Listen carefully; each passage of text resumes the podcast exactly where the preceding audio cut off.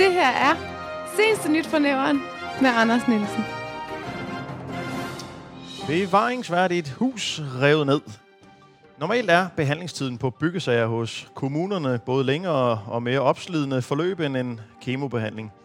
Anderledes snarådige var de dog, da de 27. december fik et tip fra bekymrede naboer om, at den nye ejer af det bevaringsværdige bindingsværkshus fra 1825, beliggende på Susovej 3 i Nævren, Nikolaj Bosse, var i gang med noget, der kunne minde om en nedrivning. Kardemomme snor latte macchiato med økologisk fedtreduceret laktosefri latteart havmælk blev for en stund sat på hold og byttet ud med attaché-mappe, hjelm og kernmælkshorn to go for at besigtige føromtalte adresse. De kommunalt ansatte kunne ved selvsyn bekræfte, at Sydens Perle havde fået sig en ny smadermand, der får borgmester Carsten Rasmussen til at ligne en konfirmand. Hele misæren resulterede i et straks påbud for Nikolaj Bosse mod at foretage sig yderligere.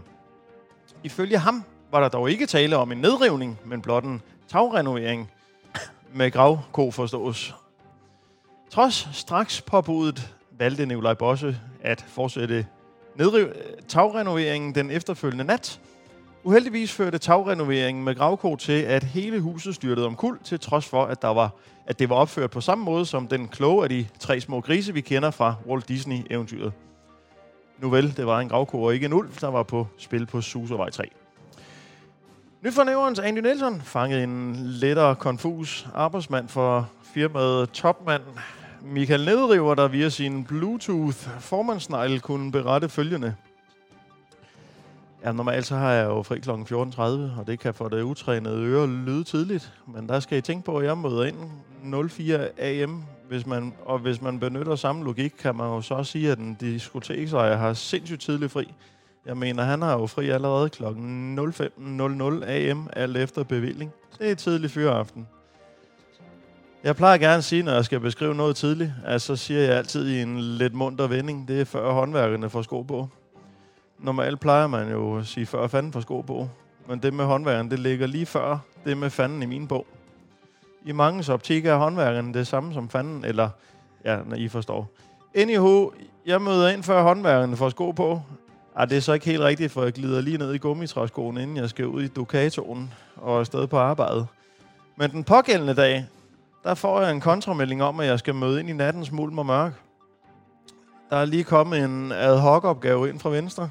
Eller var det højere? Jeg husker det ikke. Men jeg undrer mig lidt, for normalvis må vi først larme efter klokken 7.00 am.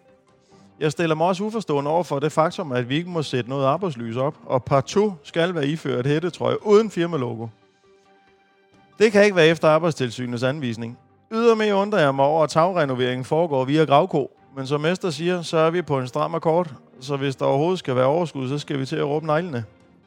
Jeg påpeger over for Mester, at min finmotorik med gummiged i tusmørket er til at overse, og at der efterfølgende nok vil være en lille smule sneaker-finish indvendigt. Det er trods alt lidt nemmere at styre en bajonet i dagslys end sådan en landmandstank, når moskonen brygger. I et uopmærksomt øjeblik får jeg filet lidt rigeligt på joystick i gravkonen, da jeg samtidig prøver at sætte en dagmortært til livs inde i kabinen.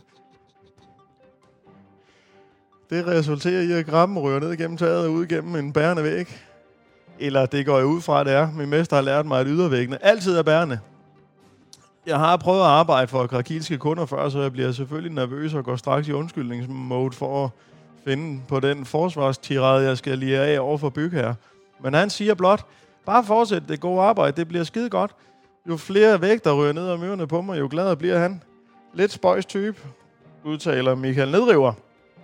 En, der er endnu mere konfus over den seneste udvikling, er museumsinspektør på Museum Sydøstjylland, Joachim Alau.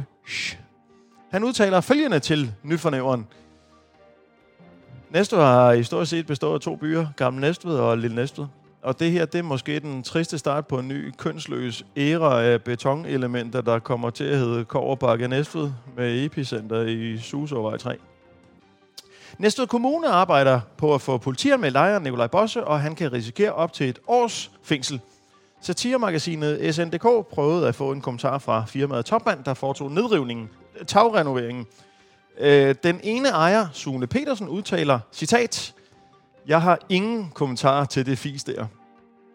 Nyt fra næverens graver i journalist Andy Nielsen fik dog følgende kommentar af topmand over en, den krypterede apps signal.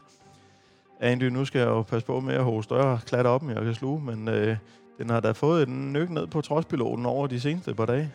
Og jeg regner ikke med, at vi vinder så mange licitationer på tagrenoveringsprojekter for nuværende. Så vi må klart kigge ind af og tage det til efterretning. Men jeg skal da være ærlig at sige, at det ikke ligefrem er møbelsnækker og millimeterrytter, vi har på lønningslisten i øjeblikket. Det er svært at få kvalificerede arbejdsfolk, fordi skorstenene brænder derude af en dy. Klog og skade sætter vi nok ikke Michael Nedriver til at stå for tagrenovering og altanprojekter fremadrettet. Det var sidste nyt for med Andy Nielsen. Tak for det, Andy. Selv tak, Anson.